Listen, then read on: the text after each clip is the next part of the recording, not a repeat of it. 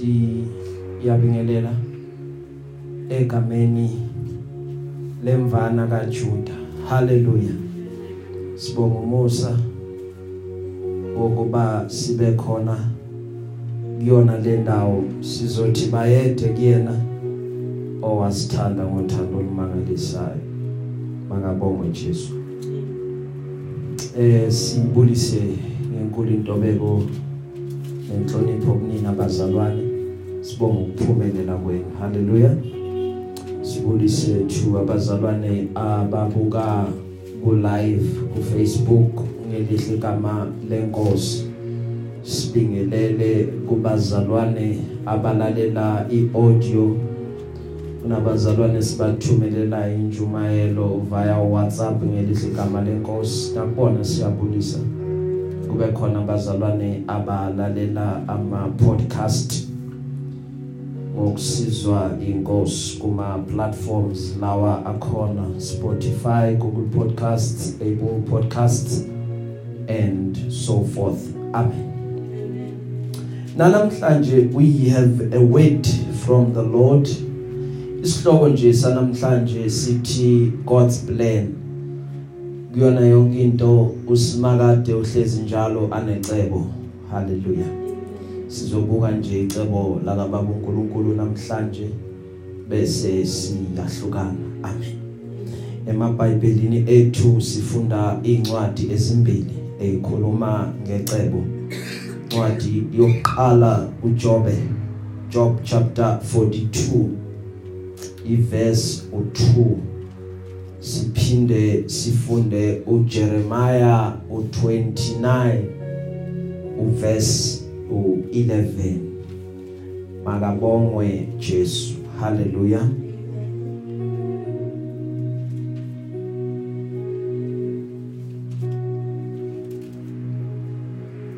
Job 42 verse 2 Jeremiah 29 verse 11 Glory be to God. Ngicela oyiphethe asifundele Job chapter 42 iverse eka 2 um then uh, kube uJeremiah u29 verse 11 indawo ama ama scriptures uh ajwayeleke kakhulu lawo bazalwane because njengoba siphila sisahamba emhlabeni. Ayikho into kufanele sikwazi lokhu kuba ayikho into emane yenzeke. Izinto emhlabeni azimani zenzeke. Konke okwenzakalayo kwenzeka ngoba kuneplan thizeni kunohlelo olihleliwe kwesinye isikhathi umuntu kuyenzeka angabi neplan. Umuntu kuyenzeka angabi nohlelo. Namhlanje i want to submit to you ukuba ukungabi neplan noma ukungabi nohlelo naloko kuhlelo. Hence isilungu masikhuluma sithi failing to plan is planning to fail. Kusho ukuthi mawungana hlelo unganacebo kusho ukuthi you are setting yourself up to fail ngoba in life izinto azimani zenzeke. That is why namhlanje sizobuka ukuba liyini kahle kahle icebo laka Jehova ngoba uJehova kukona konke akwenzayo usuke anecebo kukhona okuhleliwe noma umubuka kukhona okwenziwayo because eh ngapha kungaba kuphambili but ngale behind the scenes zikhona izinto eziphekwayo zisuke zikhona izinto ezisalungiswa. Kuyenzeka ukuba manje kungabonakala abantu bangaboni abantu babuza imibuzo because iunderstanding abanayo. But rest assured ngithi kuwe namhlanje uJehova unecebo. Kukhona abantu bebacabanga ukuba ngiyaphela ngiyafa ngalokho kungehlelayo but uNkulunkulu wangavuma ngabo. Why? Because icebo laka Simakade ngeimpilo zabo belikade lingakapheli. That is why baqhubeka baphila. Uma engakulandisa la adlule khona ungathi isimanga uthi how udlule kanjani? It is because icebo bekade lingakafezekiswa. That is why uNkulunkulu anqume ukuba aqhubeke amgcina. Asiphili ngoba siphila. Siphila ngoba kunecebo. uJehova afuna ukuba lenzeke lifezeke ngokweimpilo zethu. Celo iphethe asifundele Job chapter 42 iverse eka 2 Job 42 verse 2 Yes. Ngiyathi ukuthi wena unemandla ekwenda konke. Yes. Kude umu kude mumfu longaphadamisa lokho lese uhlose kukwenda. Yey awuphinde makidlami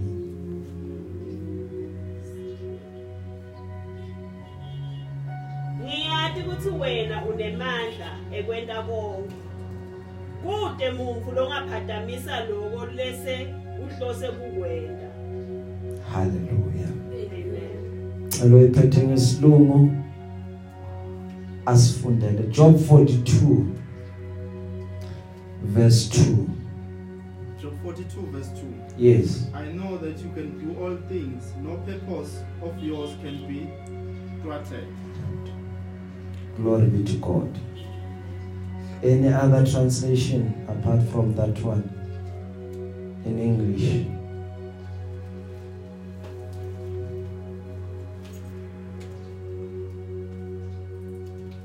Job 42 verse 2.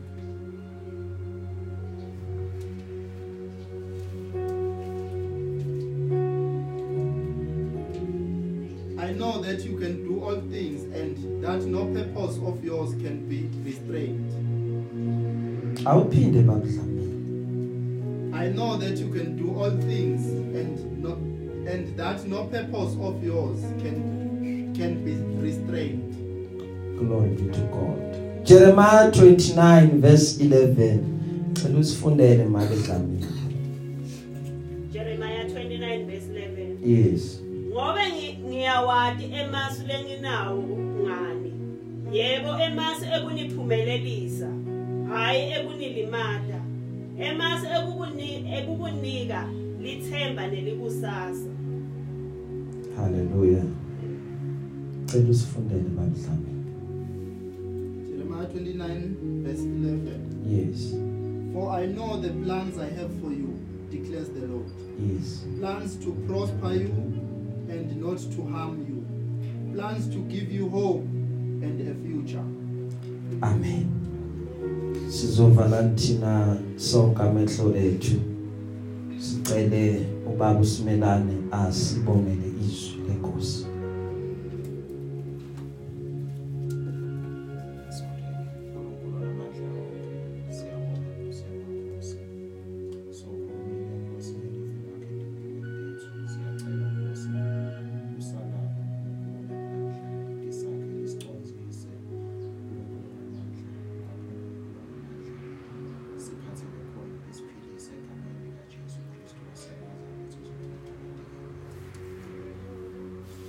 Siyabonga bazalwane. Amen.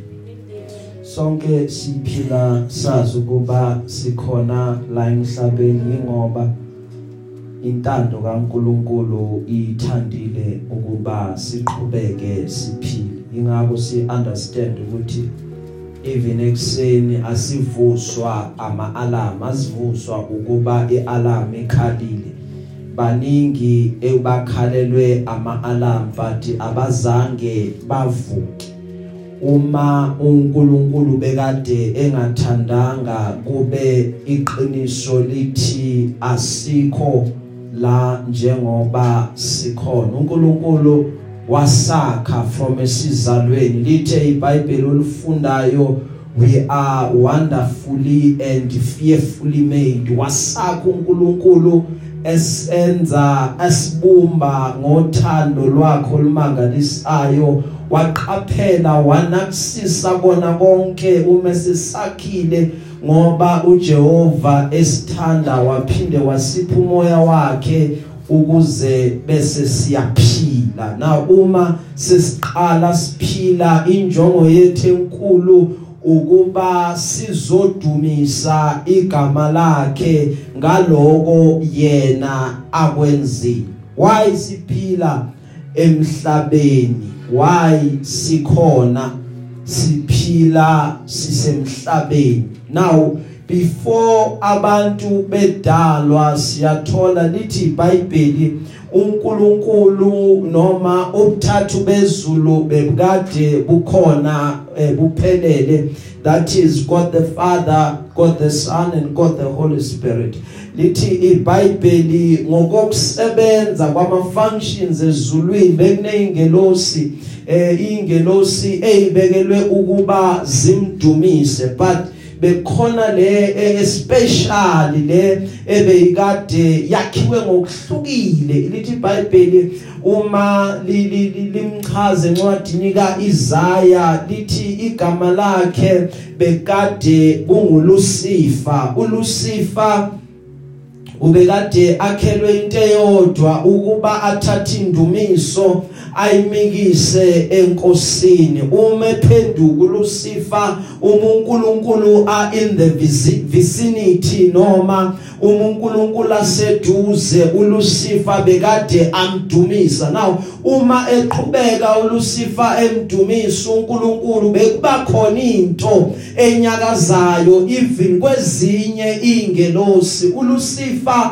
kanti uyaqaphela uyakunaka lokho. Wathi oh uma ngidumisa lengelosi kunento kuyo kuzona eyenzakalayo manje. Kusho ukuthi isikhundla sami sibalulekile la izulwini they cannot do without me. Then uLucifer wahlala phansi wacabanga abo aya bawu5 omunye wabo uthi i will ascend maqeda ngidlule uNkulunkulu ophezulu kwabona konke. Ngelinye ilanga bathi eh Lucifer wozodumisa kanti ipride seyingenile kuLucifer wathi chabo mina sengiyalingana noNkulunkulu ngoba sekukhona about i-third yama angels asekwamlandela uLucifer seka sekagadarishile ifollowing. Maqeda lithi iBhayibheli ngoba uNkulunkulu engalishare udumo wathi uLucifer usephakeme. Maqeda uNkulunkulu wamxosha ezulwini wawa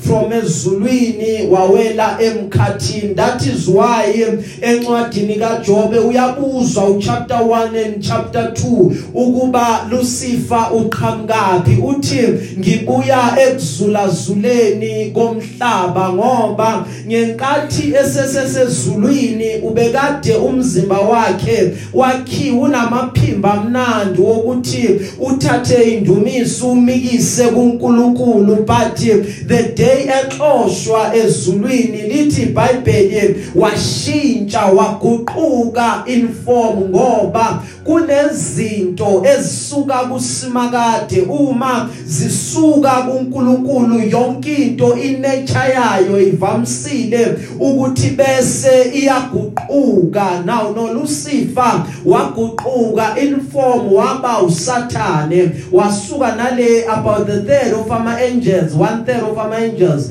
beza emhlabeni akasekho ezulwini. Then there was a need there was a space la ukuthi ubani ozoletha indumiso ngoba uNkulunkulu akasiye uNkulunkulu okwazi ukuba azidumise yena. So kwabakhona isikhala esivulekayo. Now lithi ke iBhayibheli kwabakhona lo yamhlangano ku chapter 1 eh, elithi iBhayibheli uma silifunda wathi uNkulunkulu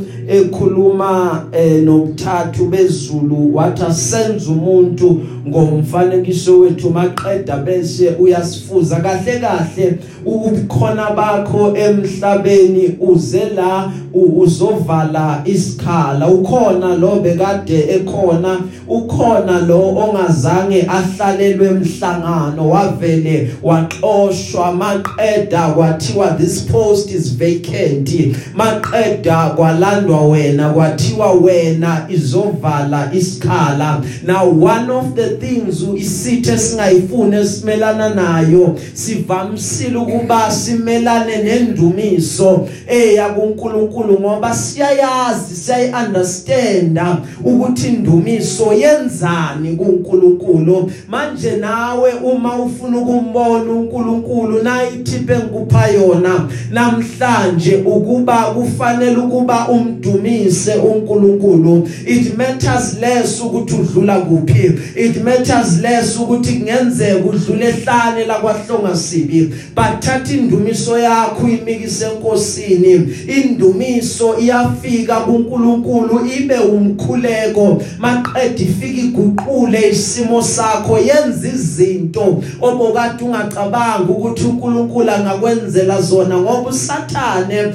uyayiunderstand ukuthi indumiso yenza that is why amelana even nabantu abathatha indumiso bayimikise enkosini. Uma ungabe ukusisa kahle iningi laba bavamisile ukuphila impilo eright noma ejabulisa uNkulunkulu. Ukuthi nje sebahlabela ngoba nawo amaphimbo baphiwe. But into usithe sihlasela kakhulu yile ndumiso ngoba indumiso iyakwazi ukuthi ifike even ejele inqamule amaketangi kuPaul benosila iphinde ivule iminyango. Haleluya so ipresence yakho kahle kahle uzo uzovala isikhala. Kuba khona kwakho ukuba uzovala isikhala ngoba kunecebo elifanele ukuba liqhubeke lifezekiswe. Ngoba uNkulunkulu icebo lakhe ukuba sibe munye kunye naye sibe one sibe united kunye naye uNkulunkulu. But usathane uza nezinto uza nama tricks ukuthi asihlukanise noNkulunkulu uza nokuthi azokhoza idivision between us and God. Ngoba kwalahlwa yena ufuna ukuba kulahlwe nathi. Uthe kuwe manqala ngathi ugood egatheration abantu abamjoinayo kulento yakhe. Now that is why angafuni ukuthi uma eyolahlwa alahlwe ayedwa but ufuna ukuthi uma eyolahlwa alahlwe nabaningi. Haleluya uNkulunkulu into ayifunayo ukuthi wenze konke okusondelene necebo lakhe. uNkulunkulu into ayifunayo ukuthi konke okwenzayo ukuthi draw you closer to God but isitha the adversary noma the accuser sifuna ukuthi konke okwenzayo kuphambane nenkosi. Na uma wenza konke okuphambene nenkosi okuzokwenzeka kuwena ukuba uzoqala uyibone ungasafanele ukuba sebukhoneni benkosi ngoba kunalento ethi uma ngonile enkosini angisuke enkosini. Baningi abantu engibabonile abathe uma beqala benza izinto eziphambene necebo lakaNkuluNkulu baqala basuka enkosini ngoba usathana bese uyajabula athi ngaze ngamthola ngoba kakade vele injongo yakhe ukuthi akususe enkosini ngoba ukuhlala kwakho enkosini kusho ukuba amandla akho awapheli. Ukusuka kwakho enkosini kusho ukuba kunamandla aphelayo kuwena kunamandla ongeke uzukwazi ukuthi ube nawo uma ungasahlelanga enkosini. Maqeda besisitha siyajabula but uNkulunkulu ufuna ukuthi noma ubone ukuthi angithandeki noma ubone ukuba ngingcolile noma uzibona ukuthi ngigcwele izono uye kuyena ugijime uthi baba ngizozendlala kuwena nangu mina ngihambe ngahamba ngaphambuka endleleni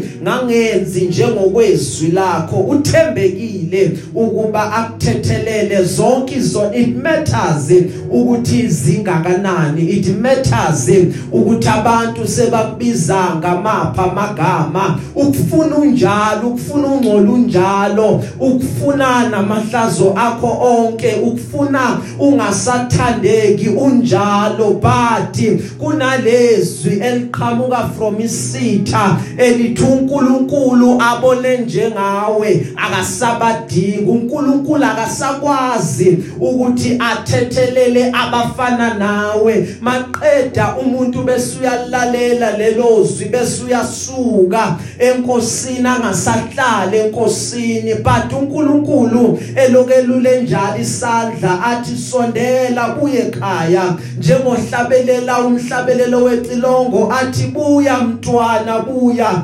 ubuyele ekhaya. uJehova uvula izandla zokuthi akwazi ukuba kwamkele bese uyagona maqeda athi indodana yami siqhubeke nohambo. Athi indodakazi yami siqhubeke nohambo. Uthi uthi baba lezi yazona athi ziphi zona? Uthi lezi ezayizona athi sengiphothe olwandle lokhohlwa. Yokusiza nawe ukuthi uyithathe ukhohlwe yizona. Maqeda uqhubeke njengomntanami wenza intando yami. Ngoba bazalwane uma ninganakusisa kahle. Uma uma ufuna ukuntshontsha inyama from ebhodweni uyiphekile. Abo mama bayazi abantu bama testament uma ufuna ukuntshontsha inyama uyaye uyikhiphe. Uma uyikhipha ebhodweni ukuyibeke lapha iyodwa wenzelani? Wenzela ukuthi iphole ingasashisi. Awukwazi ukuyidla ishisi uma seyipholile uyakwazi ukuthi uyithathe uyidle. Ngoba uma uzoyidlishisa izo izo izokushisa umlomo. Now same trick that the enemy is using ukuthi akukhiphe ekuhlanganyeleni. Akwenza ukuthi ningahlanganyeli ngezwi la kaNkuluNkulu ngoba uNkulunkulu angithi uthe noma ababili noma ebathathu ngihlangene nginaba ngithi uma sihlangene sibabili sibathathu uJehova uphakathi kwethu uma sihlangene ngezwi lakhe. But the minute uNkulunkulu eseqala ukukhipha the minute usathane eseqala ukukhipha kulabo abahlangana ngezwi lenkosi kusho ukuthi sitha sesifuna ukuqeda ngawo. Because bese kusho wena futhi uthi naba labo noma sonto bangiyeke bese ushintsha indlela. Isitha sesiqalele siyagahla. Ngoba you will discover one thing in life ukuthi angeke uphile ngaphandle kwezwi lenkosi. Izwi lenkosi uyalidinga. It is the foundation of the whole life ongayicabanga. Noma ungaphila nhloboni yempilo but kunezinto ezwini lenkosi ezihlala zikhona zihlala zinjalo forever that you will never change. It covers the whole life. So if if if ngizosuka enkosini ngisuka ezwini lenkosi ngithi ngiyobalekela kuphi ngiyophephela kuphi? Ngoba bazalwane ukuhlanganyela kwakho ebandleni ukuhlanganyela kwakho nebandla nabazalwane kunamandla kunamandla owatholayo uma nje uhlanganyela that is why uma uPaul ekhuluma uthi kunjani ke uma nihlangana bazalwane? Yiloya unalesiyasipho naloya unalesiyasipho ngoba abanye bakhuleka ngezilimi phakathi kwethu abanye bayayihumusha abanye bayathandaza nje bakhuleke abanye bayahlabelela konke lokwenzakalayo kwenzeka ukuba kuqiniswe kwakhiwe ibandla. Izoni ziyaphenduka abagulayo bayaphiliswa ishosha ziyasukuma imungulu ziyakhuluma impumputhe ziyabona abafile bayavuka ngoba kunamandla ekuhlanganyeleni kwebandla. Kunezinto even ezweni lakamoya esikwazi ukufinyelela kuzona. La okubona okungabonakali ukuthi siyafinyelela kuzona but uma ibandla lihlanganyele likhuleka ngamandla kune change eyenzakalayo even ku atmosphere that is why ukuhlanganyela kwethu asikuthathi light asikuthathi kancane ngoba siyazi ukuthi kukhona izinto eziguqukayo even ezweni lakamoya. Manihlanganyela nikhuleka njengabazalwane njengebandla. Manihlanganyela nihlephula isinkwa niphuza iwayini. Okwenzakalayo ukuba amehlo enu ayavuleka ngoba bazalwane ukuhleshulwa kwesinkwa kuyawavula amehlo. What is the bread ehleshulwayo? Izwi lenkosi. Amen. Haleluya hleshulwa kwesinkwa kuyawavula amehlo izwi lenkosi. Angithi uJesu umekhuluma uthi isinkwa siyini umzimba wakhe. Haleluya. Isinkwa siyizwi lenkosi. Because the most we, we come in we divide.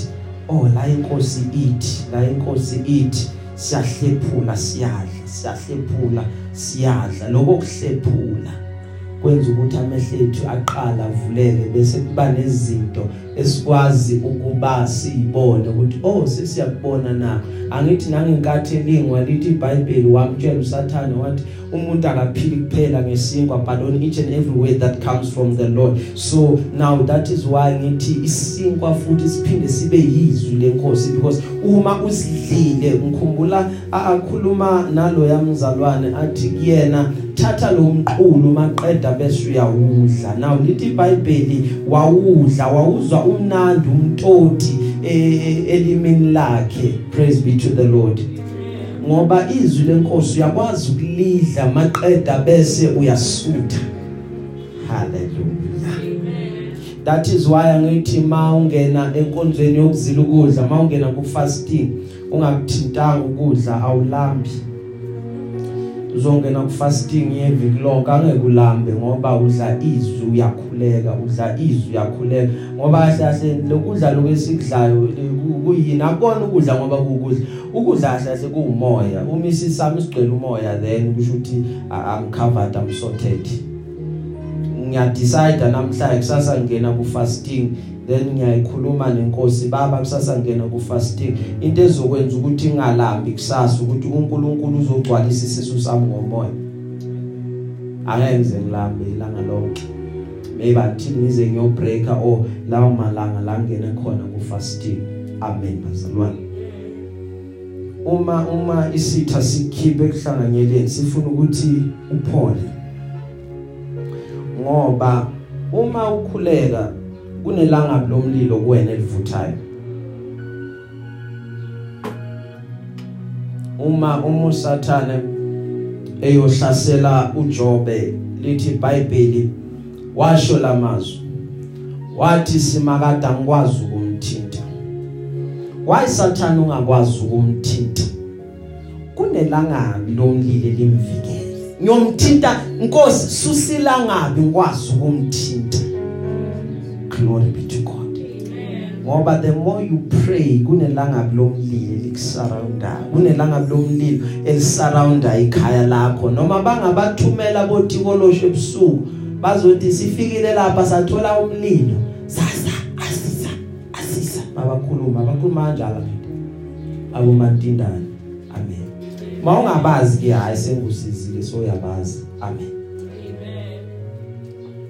Kufika isikhathi la uzibona sekunezinto ezikulahlekele enkosini. Ngoba sonke amehlo ethu ayasebenza. Siyakwazi ukubona ukuthi kunezinto esezingasekho right.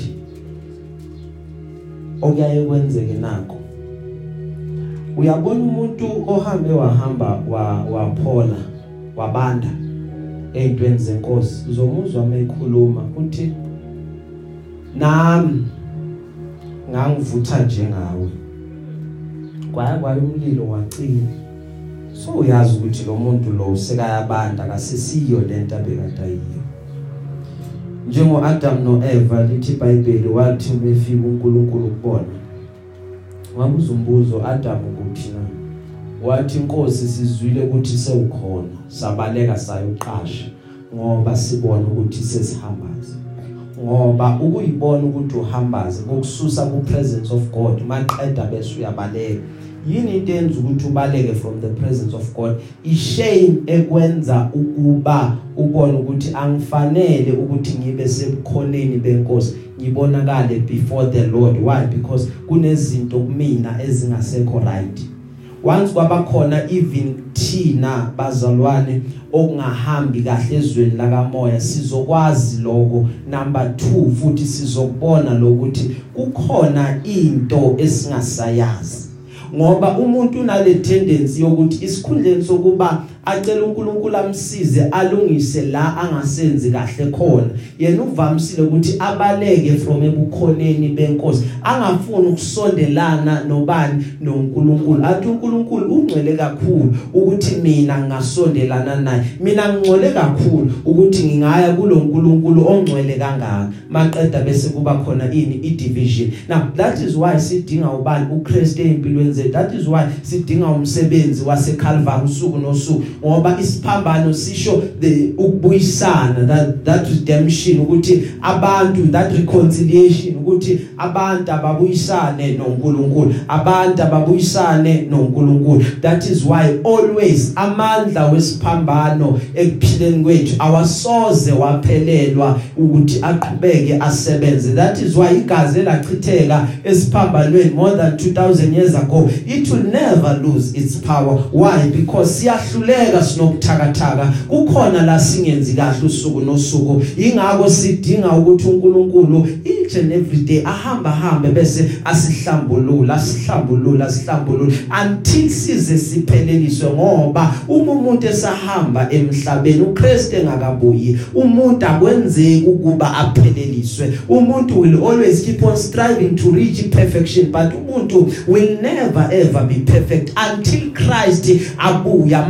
Maqeda bese lemizimba yethu yobuthakathaka yesono maqeda besiyasala. Uma samkelisa imizimba emisha kula siyoba perfected khona. Why umuntu angaperfectwa? It is because umuntu inature yakhe is fallen. Umuntu wawa yenkathi engena esonweni. That is why umuntu will never be perfect ngoba umzimba wakhe is of the fallen nature. So uNkulunkulu akakwazi ukuthi aqhubeke aperfect the fallen nature. That is why indalo yomuntu le ewayo lemthakathaka kufanele ukuthi bese iyaqhubeka iyafa. So that lo Kristu ophilayo who is perfect azokwazi ukuthi aphile kithina. That is why amandla wobhabhadiso athini? Athi thina siyafa noKristu maqeda bese ngokuphuma kwethu emanzini. Lokho kusho ukuthi we are being resurrected with Christ bese lithi iBhayibheli uma safa naye maqeda savuka naye asifune lokho kwaphezulu. Ngani? Ngoba lokho kwaphezulu kuqhamuka from uKristu ongafi noKristu futhi ongabanjwa izinto lezi ezikwazi ukuba zibambe inature yabantu that is fallen.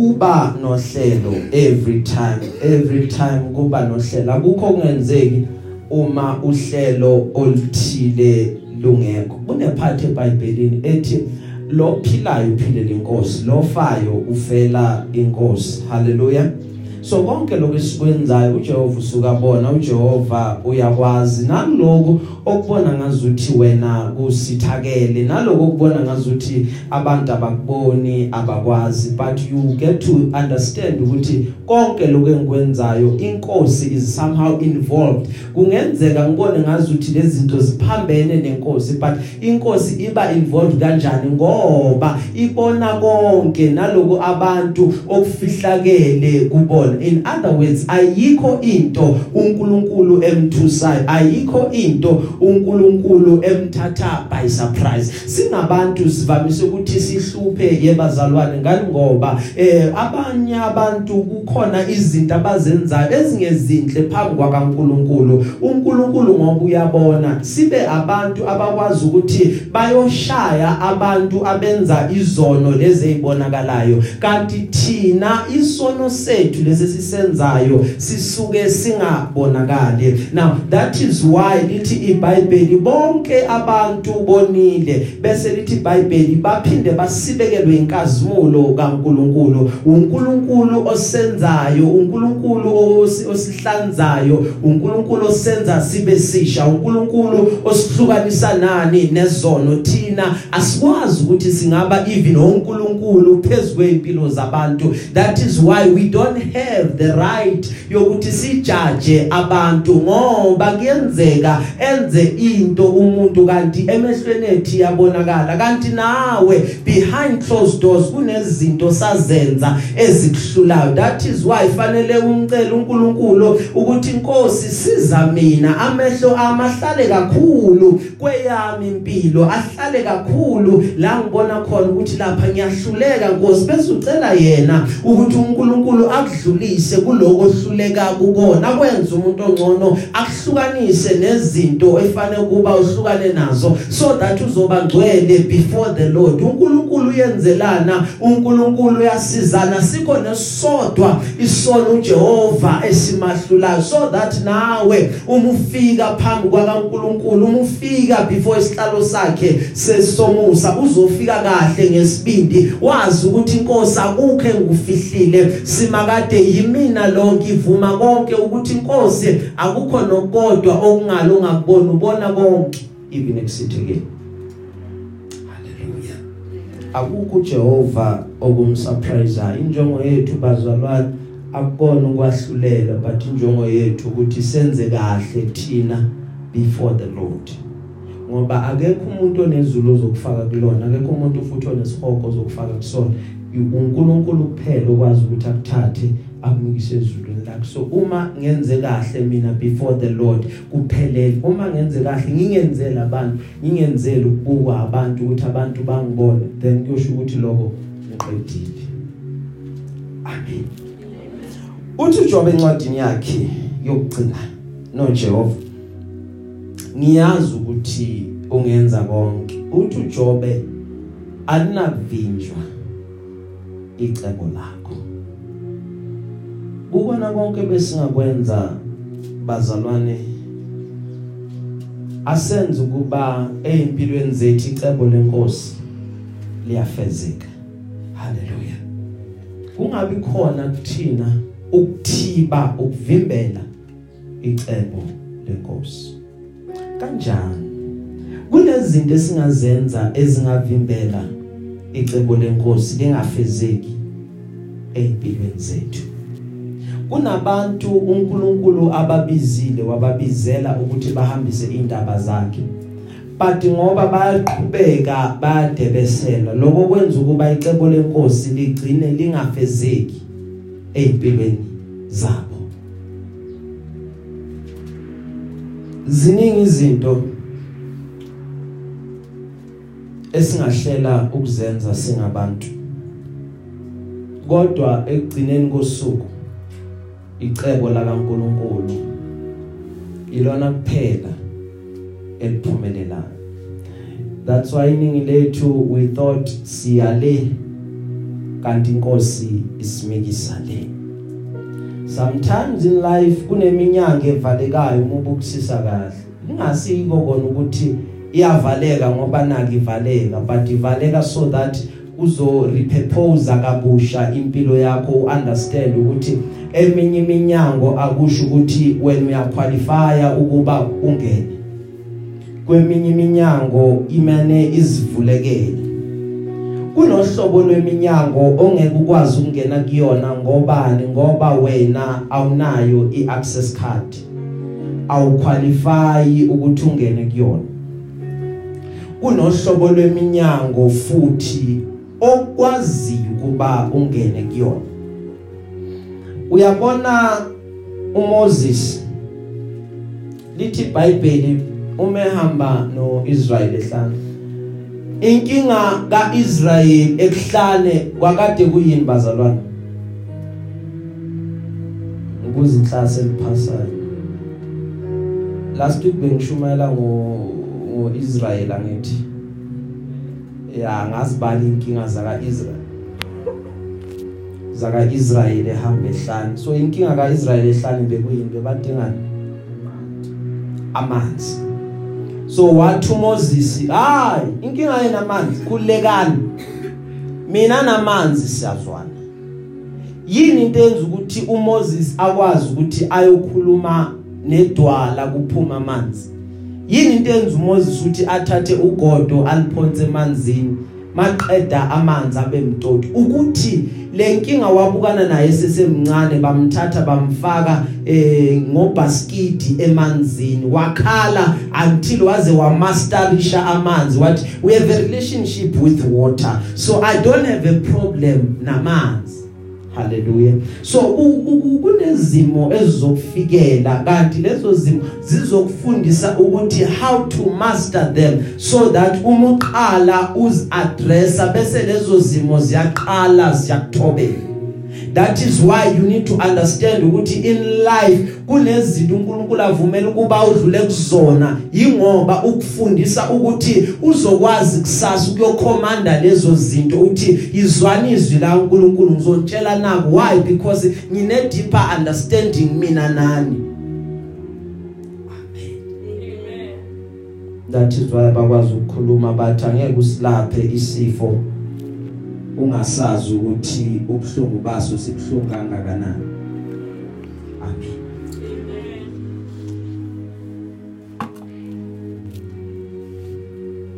There are two things. Kunezinto uNkulunkulu angayivumeli ukuba zenzeke empilweni yakho. uJehova akavumi ukuthi zenzeke manje. Ngoba wena awukakakhuli ngokwanele ukuze ukwazi ukumelana nalezi zinto. uJehova uyoyivumela the day sewukhule ngokwanele to withstand lezi zinto. Ngiyaye ngithi mina uma ngikhuluma kunezimo mina ngeke ngeze ngadlula kuzona noma ngabe kunjani. Ezinye noma athi ngithanda kanjani angeke ngaze ngadlula kuzona ngoba ngoba icebo la kaNkuluNkulu liphambene nalezi zimo ngokweyami impilo ukuba mina ngidlule kuzona but kunabantu uJehova abadalele lezo zimo haleluya izulu kunento nomsebenzi liubeke kuwena. Izulu kunamandla eliwabeke kuwena. Izulu lithemba wena ukuthi kunohlobo lwabantu efanele ukuthi wena uyobaqinisa. Manje akwenzeki ukuba uyobaqinisa kanti kukhona la ongadlulanga khona. Eh akwenzeki ukuthi uyobakhuthaza kanti kune test ongayiphasanga. Khuthalela ukuba uyiphase itest obukana nayo. Ungabi umuntu othanda ukubaleka umuntu obheka izinto ezisemaceleni umuntu obheka ama shortcut ukuthi ungaphuma kanjani. Ngoba iyodwa into engiyidiscoverishe ngoNkulunkulu. uNkulunkulu akakuvumeli ungene esimeni maqeda angazi ukuthi uzokukhipha kanjani. There's one thing abantu abakwazi ukuyenza.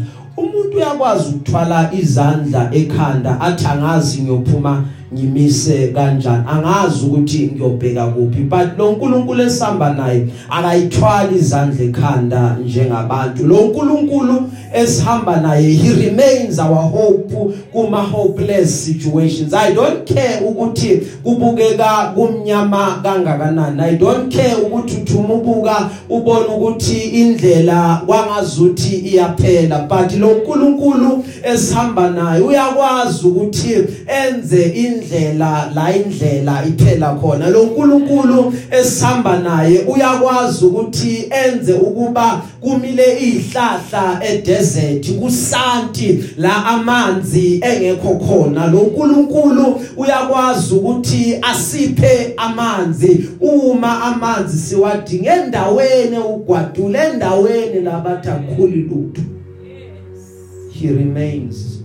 uNkulunkulu. Ngoba njalo uma zikwehlela izimo usuke azi ukuthi la ngiyomdonsa ngiyomtakula kanjani. Kunezimo bantwana basekhaya uNkulunkulu azidlulisa kuzona. Uma udlula kulezo zimo uyacabanga ukuthi hleza ngezukudlula but uma ngalo uyibone sewudlulile engikuthandayo ngoNkulunkulu ukuthi awuvamisile ukubonakala la udlule khona but wena owaziyo ukuthi ngidlule kuphi. Abantu bakuzwa sewufakaza uthi uJehova ungithathe la wangibeka la. Ngisabuke lokho wangithatha la wangibeka la. Ingani ngimthanda uNkulunkulu ukuthi kuJehova uJehova wenza make sure ukuthi ebusweni bakho awubhalwa wena ukuthi bekadukhala izolo. Ebusweni bakho wakwenza ukuthi ungabonakala ukuthi kunento ebikade ihlupha umoya wakho waqeda wakudlulisa. Ngoba noma noma namhlanje kungenzeka ukuthi uvuke ngepapa lilodwa wathi izolo konje ngilale ngepapa namhlanje sengizalijikisa lepapa ngilenza umdoko maqeda bese ngithela amanzi ngidle maqeda bese ngiyasutha. Vele iBhayibheli yakhuthaza lithi idla uqede mawuqeda ukudla bese usula umlomo mawuqeda ukusula umlomo bese uyigcobisela ivasilina yakho bese uphumela ngaphandle. Angeke ubhalwe ukuthi wena uvuke ngepapa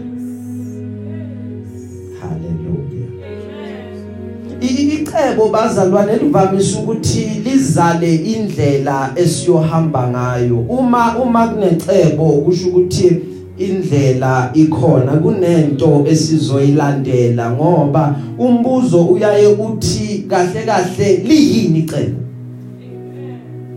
Uma uma uma uma ke uma ke Dlamini efika ekhaya oh before afike ekhaya kaDlamini before afika engakafiki eseza wake wambuza ubaba edlamini wathi ngiyakuzwa ke mnaka wathi mnaka vele. Wathi ngiyabuzwa ke mnaka eh lokushoyo mara iyodwa into engifuna ukuthi sizulisane kuyona ukuba icebo lakho lithini liyini? Manje bengeke bakwazi ukuqhubeka endleleni uma icebo linga lingakho sobala kuma ke dlamini uvuma ukuqhubeka ngoba ebona ini? Icebo. Icebo lithini? Sisuka la siya la sisuka la siya la. Yini lenza ini? Lenza indlela. Kuyothi mase kabona uma ke dlamini ukuthi ngazi ukuthi sesiyaphambuka. Besithe siye Springs sesiye Brakpan abuye baba ngathi ayisahambi ngalendlela esathi sihamba ngayo ngoba icebo liletha ini? Into yokulandelwa. Icebo lisitshela ukuthi siya kuphi. Uma sesifikile la siya khona siyazi ukuthi icebo seliphelelisiwe icebo selifezekile. That is why umuntu nomuntu abanalento ebizwa ngokuthi i-reflection uyaya reflect uma izinto seyidlulile ezithile empilweni yakhe. Athi lapha ngadlula lapha ngadlula lapha.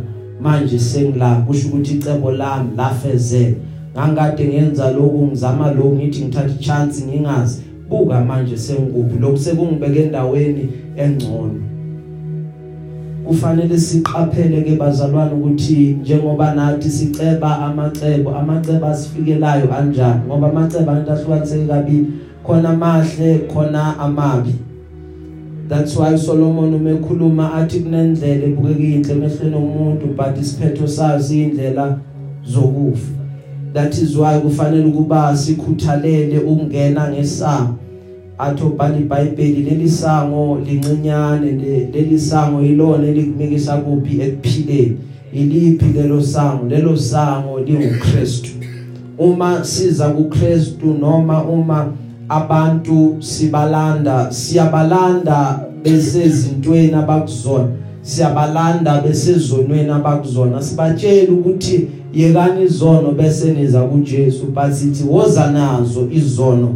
Uma ufika enkosini kula uzo understand khona ukuthi uNkulunkulu ubese uhlephula asuse lezi zinto. uNkulunkulu bese kuba uyena ogamula lezi zinto ngoba mase ufike kuyena kula uqala ubona khona ukuthi oh leli sange ngizongena kulona lincinyane. Kunemithwalo engangeni. Kufanele ukuthi lemithwalo bese ngiyayilahla. Ngoba kakade vele bazalwane injongo yethu enkulu ukuba silandele yena siphinde sifane naye bese siyamfuza uKristu. Glory be to God. uNkulunkulu uyabusebenzisa ubuhlungu odlula kubona. Ukuze ngobuhlungu bakho kusizakale abantu abaningi. Mina mina kuyaye ukuthi mangidlule ebuhlungwini ngiunderstand into eyodwa ukuthi uNkulunkulu usuke ngabonanga mina ngifuna ukuqonde nawe lo uNkulunkulu usuke ngabhekanga wena. Njalo uma udlule ebuhlungwini because uzokhala each and every day uloku uthi inkosi why mina why mina why mina? Solo ungasizakala but uNkulunkulu usuke ngabonanga wena usuke kukhona uhlobo lwabantu alibonile. Kunabantu uthi lokhulumayo abayozwa ukuthi udlulephi maqeda asebenzise impilo yakho njenge survival guide yakhe. Athi ngoba umotha wadlula lapha it means ukuthi i will also pass. Futhi kunezinto ezingeza kuwe. Ziqhamuka kubantu ongacabanga ukuthi ibona kanye abangakulimaza that's why lithe iBhayibheli ungamthembi umuntu but themba ije ngiyadlala thamba themba ije amen. Lithe iBhayibheli themba uNkulunkulu ungathembi umuntu. Amen. Ufuna ukubona phela ukuthi niyalandela bazalwane. Amen. Andlelani right? Glory be to god. So lithe iBhayibheli themba uNkulunkulu so kunezinto ezivela kubantu ongacabanga ukuthi lezi zinto zingaqhamuka kulolu hlobo lwabantu. Most of the time abantu abasilimazayo abantu abashuqeda ngathi abantu abasaziyo ikona lokho okufike kushaye kakhulu. Abantu esizalana nabo abantu basemakhaya abantu abasondelane nathi. That is why ngenkathi abafowabo baka Josepha sebembona ehleli esihlalweni sobukhosi. Bathi uma befika kuye bayisola. Uma beyisola ngithanda amazwi kaJosepha uthi kubona uJosepha ningabi buhlungu bafowethu ngoba nina naniqonde ukuqeda ngami naniqonde ukuthi mhlambe niyangibulala. Kanti uNkulunkulu ngendlela ayisebenza ngayo uzoguqula konke lokhu. Ukuze nina ngokungidayisa kwenu kusizakale iningi. Labantu. So izimo zempilo zidinga ukuba uyithathe kanjalo ukuthi kunehlobo oluningi lwabantu oluzosizakala ngalezi zinto ohambe wahamba wabukana nazo. Glory be to God. uNkulunkulu uzokuguqula konke abantu abahambe bahamba bakwenza kuwena bathi bayakulaya kanti bebangazi ukuthi kahle kahle bayakuphakamisa. Ngasakhali kakhulu uthi ubani nobani ungenzeni ungawagcini amafile wezinto ezirong abantu abakwenze zona but wadabule lawo mafile uphinde washisa ngoba iqiniso ukuthi ukuhlala kulezi zinto akuzukukusiza even wena. Kuzokwenza ukuba impilo yakho ihlale endaweni eyodwa ibe stagnant. Efanele ube nake engqondweni ukuthi angizukufa mina icebo la kaNkuluNkulu lingakafezeki kweyami impilo. Ngoba icebo la kaNkuluNkulu uma lifezeka you need to understand ukuthi liyaye libe lihle. Kukhulu okuseza kuwena kukhulu ongakakuboni uJehova asazokwenza. uNkulunkulu okwazi ukwenza izinto ezinkulu uNkulunkulu elithe iBhayibheli icebo lakhe uthi uJob uma ekhuluma icebo lakho alinavinjwa umuntu uthi uJobe ngiyazi ungenza konke. In other words you can move whatever that you need to move because unguJehova. Ama uma abantu behlela ukuvimba wena Nkosi uyenza ukuthi lokabakuhlelile kungavimbeki. Icebo la uNkulunkulu kakhulu ngabantu ukuthi abantu basindiswe abantu basinde. Icebo la kaNkulunkulu lelo elikhulu. uNkulunkulu into ayifunayo ukuthi abantu bakhe bahlale kahle basinde basindiswe. Into uNkulunkulu ayifunayo ukuthi wonke umuntu afinyelele kuphi ekulazini iqiniso. Maqeda bese uyaphila. Icebo la kaNkulunkulu lelo. Cebo la uNkulunkulu ukuthi uma umntanakhe ekhala bese kuba nendlela uJehova zoyenza ukuthi amthulise. Uma ecindezelo kube nendlela uJehova zoyenza ukuthi akhululeke kuncindezelo asuke adlula kuyona. Amen. kuNkulunkulu asikho isimo esingenampendulo. Kuyena zonke izimo ziyasebenzelana. Isimo nesimo siba khona ukuze kufezeke okuthile. Bese kuba khona esikufundayo then we begin to understand the plan of God. Konke kuhamba ngokohlelo njalo inkosi isuke ihlelile. Hallelujah. Glory be to God. Mele silazi iqiniso silibona khona impilo zethu zizoguquka. Amen bazalwane.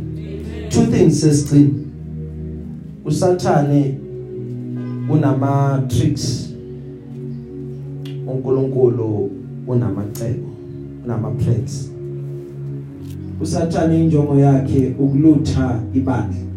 Sathane injongo yakhe ukukhohlisa abazalwane. Ubakhohlisa kanjani? Uma eyolinga uJesu uzokhumbula uthi kuJesu imibuso yonke yomhlaba nginikeziwe yona. Ukhothamele mawuqeda ungikhothamela ngizokupha yona. Uzokupha amandla you will dominate. Uzoduma uzokwaziwa. Uzoba nayo yonke imali ongayicabanga. Uzoba nazo zonke izinto ongayicabanga. Those are tricks that the enemy is using. Kufuneka ukuba ibandla lazi izwi ngoba into ezosicina kulesi sikhathi ukwazi izwi. Ngaphezulu kwakona konke sekwenzeka konke. Let us go back to the word and find ukuthi what is the word saying? Ingabe izwi liya approve noma izwi al approve do we approve or do we cancel? Then we cancel. That's the only thing ezosicina ukuthi sibe nobudlelwano nomoya oyingcwele. Uma ungenabo ubudlelwano nomoya oyingcwele usenkingeni because kunamacebo kaNkuluNkulu uzohamba hamba owa abort uthezwini lakhe kunamacebo amahle ngathi amacebo ayenza ukuba sibe nokuthula sibe nekusasa. Amacebo enza ukuba singabi nobhlungu singabi nosizi. But uma unganabudlelwano noNkulunkulu uma unganabudlelwano nomoya ongcwele maningi amathuba okuba uabort lento uNkulunkulu afuna ukuyenza kweyakhe impilo. Okubhlungu ukuthi kunabantu abahambe indlela ende noNkulunkulu. Bazojika sebafikile cishe egcineni bazolahleka sebafikile cishe egcineni that's why lithi bible when the deceiver comes injongo yakhe ukuthi azokhohlisa even the very elect. Lo ombona akholwa kakhulu lo mbona athandaza kakhulu lo mbona athanda uNkulunkulu kakhulu. Isime sofika phezulu kwempilo yakhe isime sizomshaya esizokwenza ukuthi amngabaze lo uNkulunkulu amkhonzayo angazi ukuthi why ngikhuluma ngalendlela engikhuluma ngayo but i want you ukuba uqaphele ukuthi ipressure izokhuphuka ebantwini abaningi. Mningi umonakalo oseza. Eh baye bathi uma bekhuluma isiZulu bathi iyabhubhudla inkezo. Ya ya yona le. So muningi umonakalo that is still coming. Izinto are going to become more intense more tougher for iningi labantu. Abanye babantu ba at the breaking point yokuthi kunini ngithandaza kunini ngihamba nalonkulunkulu sengiyabona kwangazuthi imikhuleko yami ayiphendula kukhona a great falling away esizoyibona. Kukhona abantu abazosuka enkosini. Khona uhlobo labantu ozothengisa ngeqiniso abalaziyo. Ngobani? Ngoba sekufike isitha sabalutha. Ngenxa yokujahela ngenxa yokuncanela izinto eziningi eziphathekayo kukhona abantu abazothi lento yokukholwa ayisebenzi. Maqeda bese bayawakhohlwa amacebo kaNkuluNkulu anawo ngathi. Bese bayayikhohlwa imicabango usimakade anayo ngathi. Ngoba uNkulunkulu uthe ezwini lakho nginemicabango emihle ngani yokuba nginiprosperishe nginiphe ikusasa nginiphe a hope nibe nani? Nibe nethemba. Abantu abaningi ithemba labo right now it's crushed lilimele. But i pray ukuba uNkulunkulu akusize ungayitholi sewu lithe iBhayibheli sesigcina. Omile akaqaphele ukuba angawe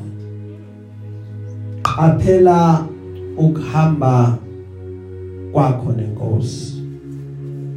Qaphela abantu ohlala nabo. Qaphela abantu osondelana nabo.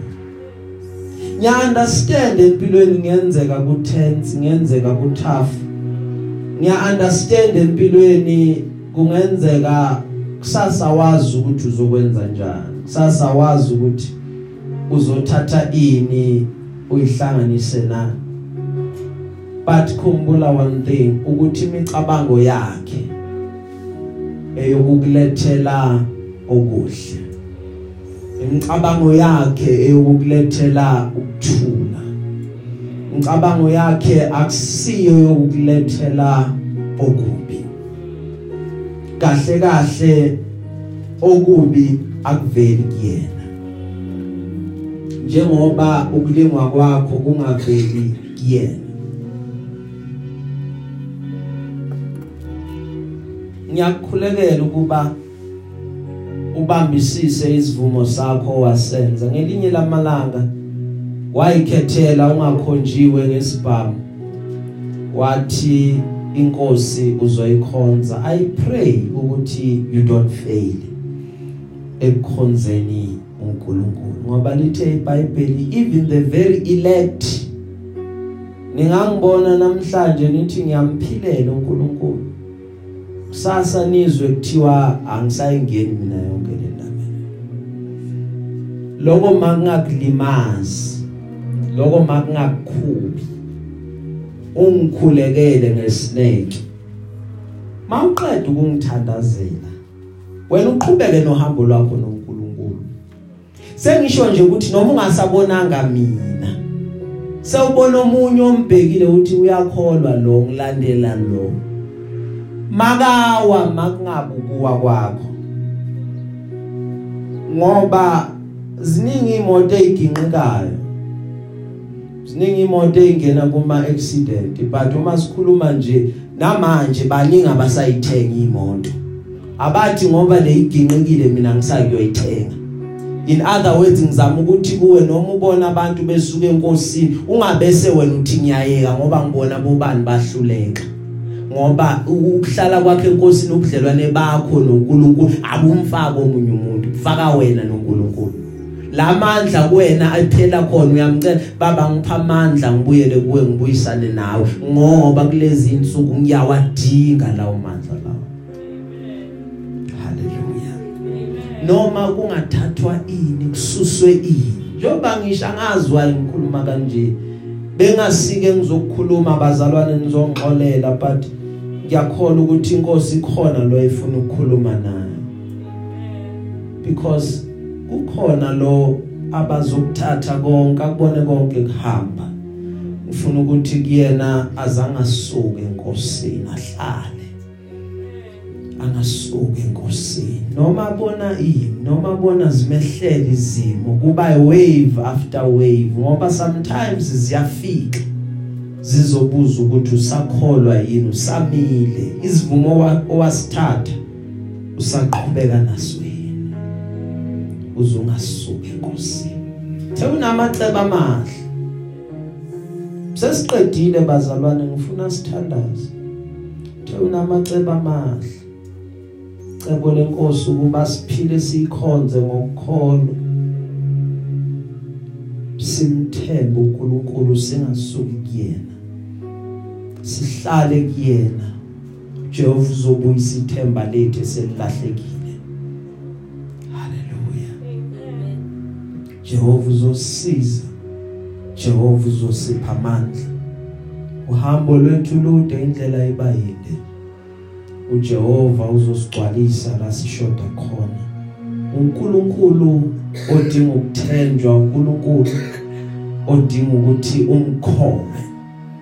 Njengoba ubona ubumnyama ubufikayo emhlabeni ngoba buyafika yazi ukuthi kuzodlula. Asikho isimo esiyohlala ingunaphakade. Khulekela bonke abasondelene nawe khulekela umndeni wakho. Uma ubazi ukuthi bayakholwa ubacelele enkosini inkosi uzubagcine bakwazi ukuqhubeka ngoba bayakudinga simakade sizovalana amehlo ethu bangcimela usukwini lwanamhlanje bese siyakhuleka. Baba nanti ibandla lakho. Size kuwena namhlanje siyabonga Nkosi. Izwi lakho lingoqobo izwi lakho lithembekile. Sibonga indlela Nkosi. Namhlanje okhulume nathi ngempilo zethu sibonga ukukhunjuzwa ukuba wena simakade unamacebo ngempilo yethu. Mahle Nkosi ukusipha ikusasa ukusipha ithemba. Awasimabi. Nkosi akuona ukuthi asibulale. Athi ujobe wena simakade ungenza konke akunamuntu oyakulivimbela khicelo siyakholwa siyathemba ukuba ezimpilweni zethu it matters less ukuthi kwenzakalani but what is certain ukuba icebo lakho ngeimpilo zethu Jehova lizofezeka. Siyakholwa siyathemba ukuba akukho nokodwa okuyakulivimba sikunikeza lonke udumo sigcine Nkosi. Kulezi insuku keep us my father. The days are evil. Sigcine ezindleleni zonke ekuhambeni kwethu konke. Gcina imindeni amakhaya ethu. Usibusise ngamunye nangamunye. Nkosi ugcina ukukholwa kwethu kuze kungaxeki. Nkosi qinisa even einyawo zethu singasuki kuwena. Kwangathi inkosi nguwena ongabamba izandla zethu ngoba thina sibuthakathaka. Singathi uma sikubambile bese siyakhathala siyayeka. But wena simakade uma usibambile awuzukusidedela. Siyakholwa ukuthi uzoqhubeka usenzele kahle. Sigcine inkosi size singathengisi ngeqiniso. Sigcine simakade size singasuki kuwena size singakhohliswa size singaluthwa simakade. Maqeda bese inkosi sithi wena ukho sigcine simakade. Father God Almighty sikholwe kuze kube sekugcineni kokuphila kwethu. Uma inkosi bahamba bekholwa bekuthemba kwaze kwaba sekugcineni nathi ungasenzela lo musa. Ngoba injongo enkulu ukuba siyoba nawe sibuse nawe kuze kube ingona phakade. Namanje siyabonga kwenzekile siyakholwa. Iviki lisaqhubeka uzube nathi uhambe nathi endleleni zonke senzele umusa. Nkosi usifihle ngaphansi kwamaphiko akho okhozi egameni lika Jesu waseNazaretha asinciphe thina njalo bese wena simakade uyaqhubeka uyaphakama. Udumo lonke silibisela kuwena. Mana njalo ke Nkosi kwenzekile siyakholwa ngawo Jesu Kristu lo inkosi uzobuya masishana amen.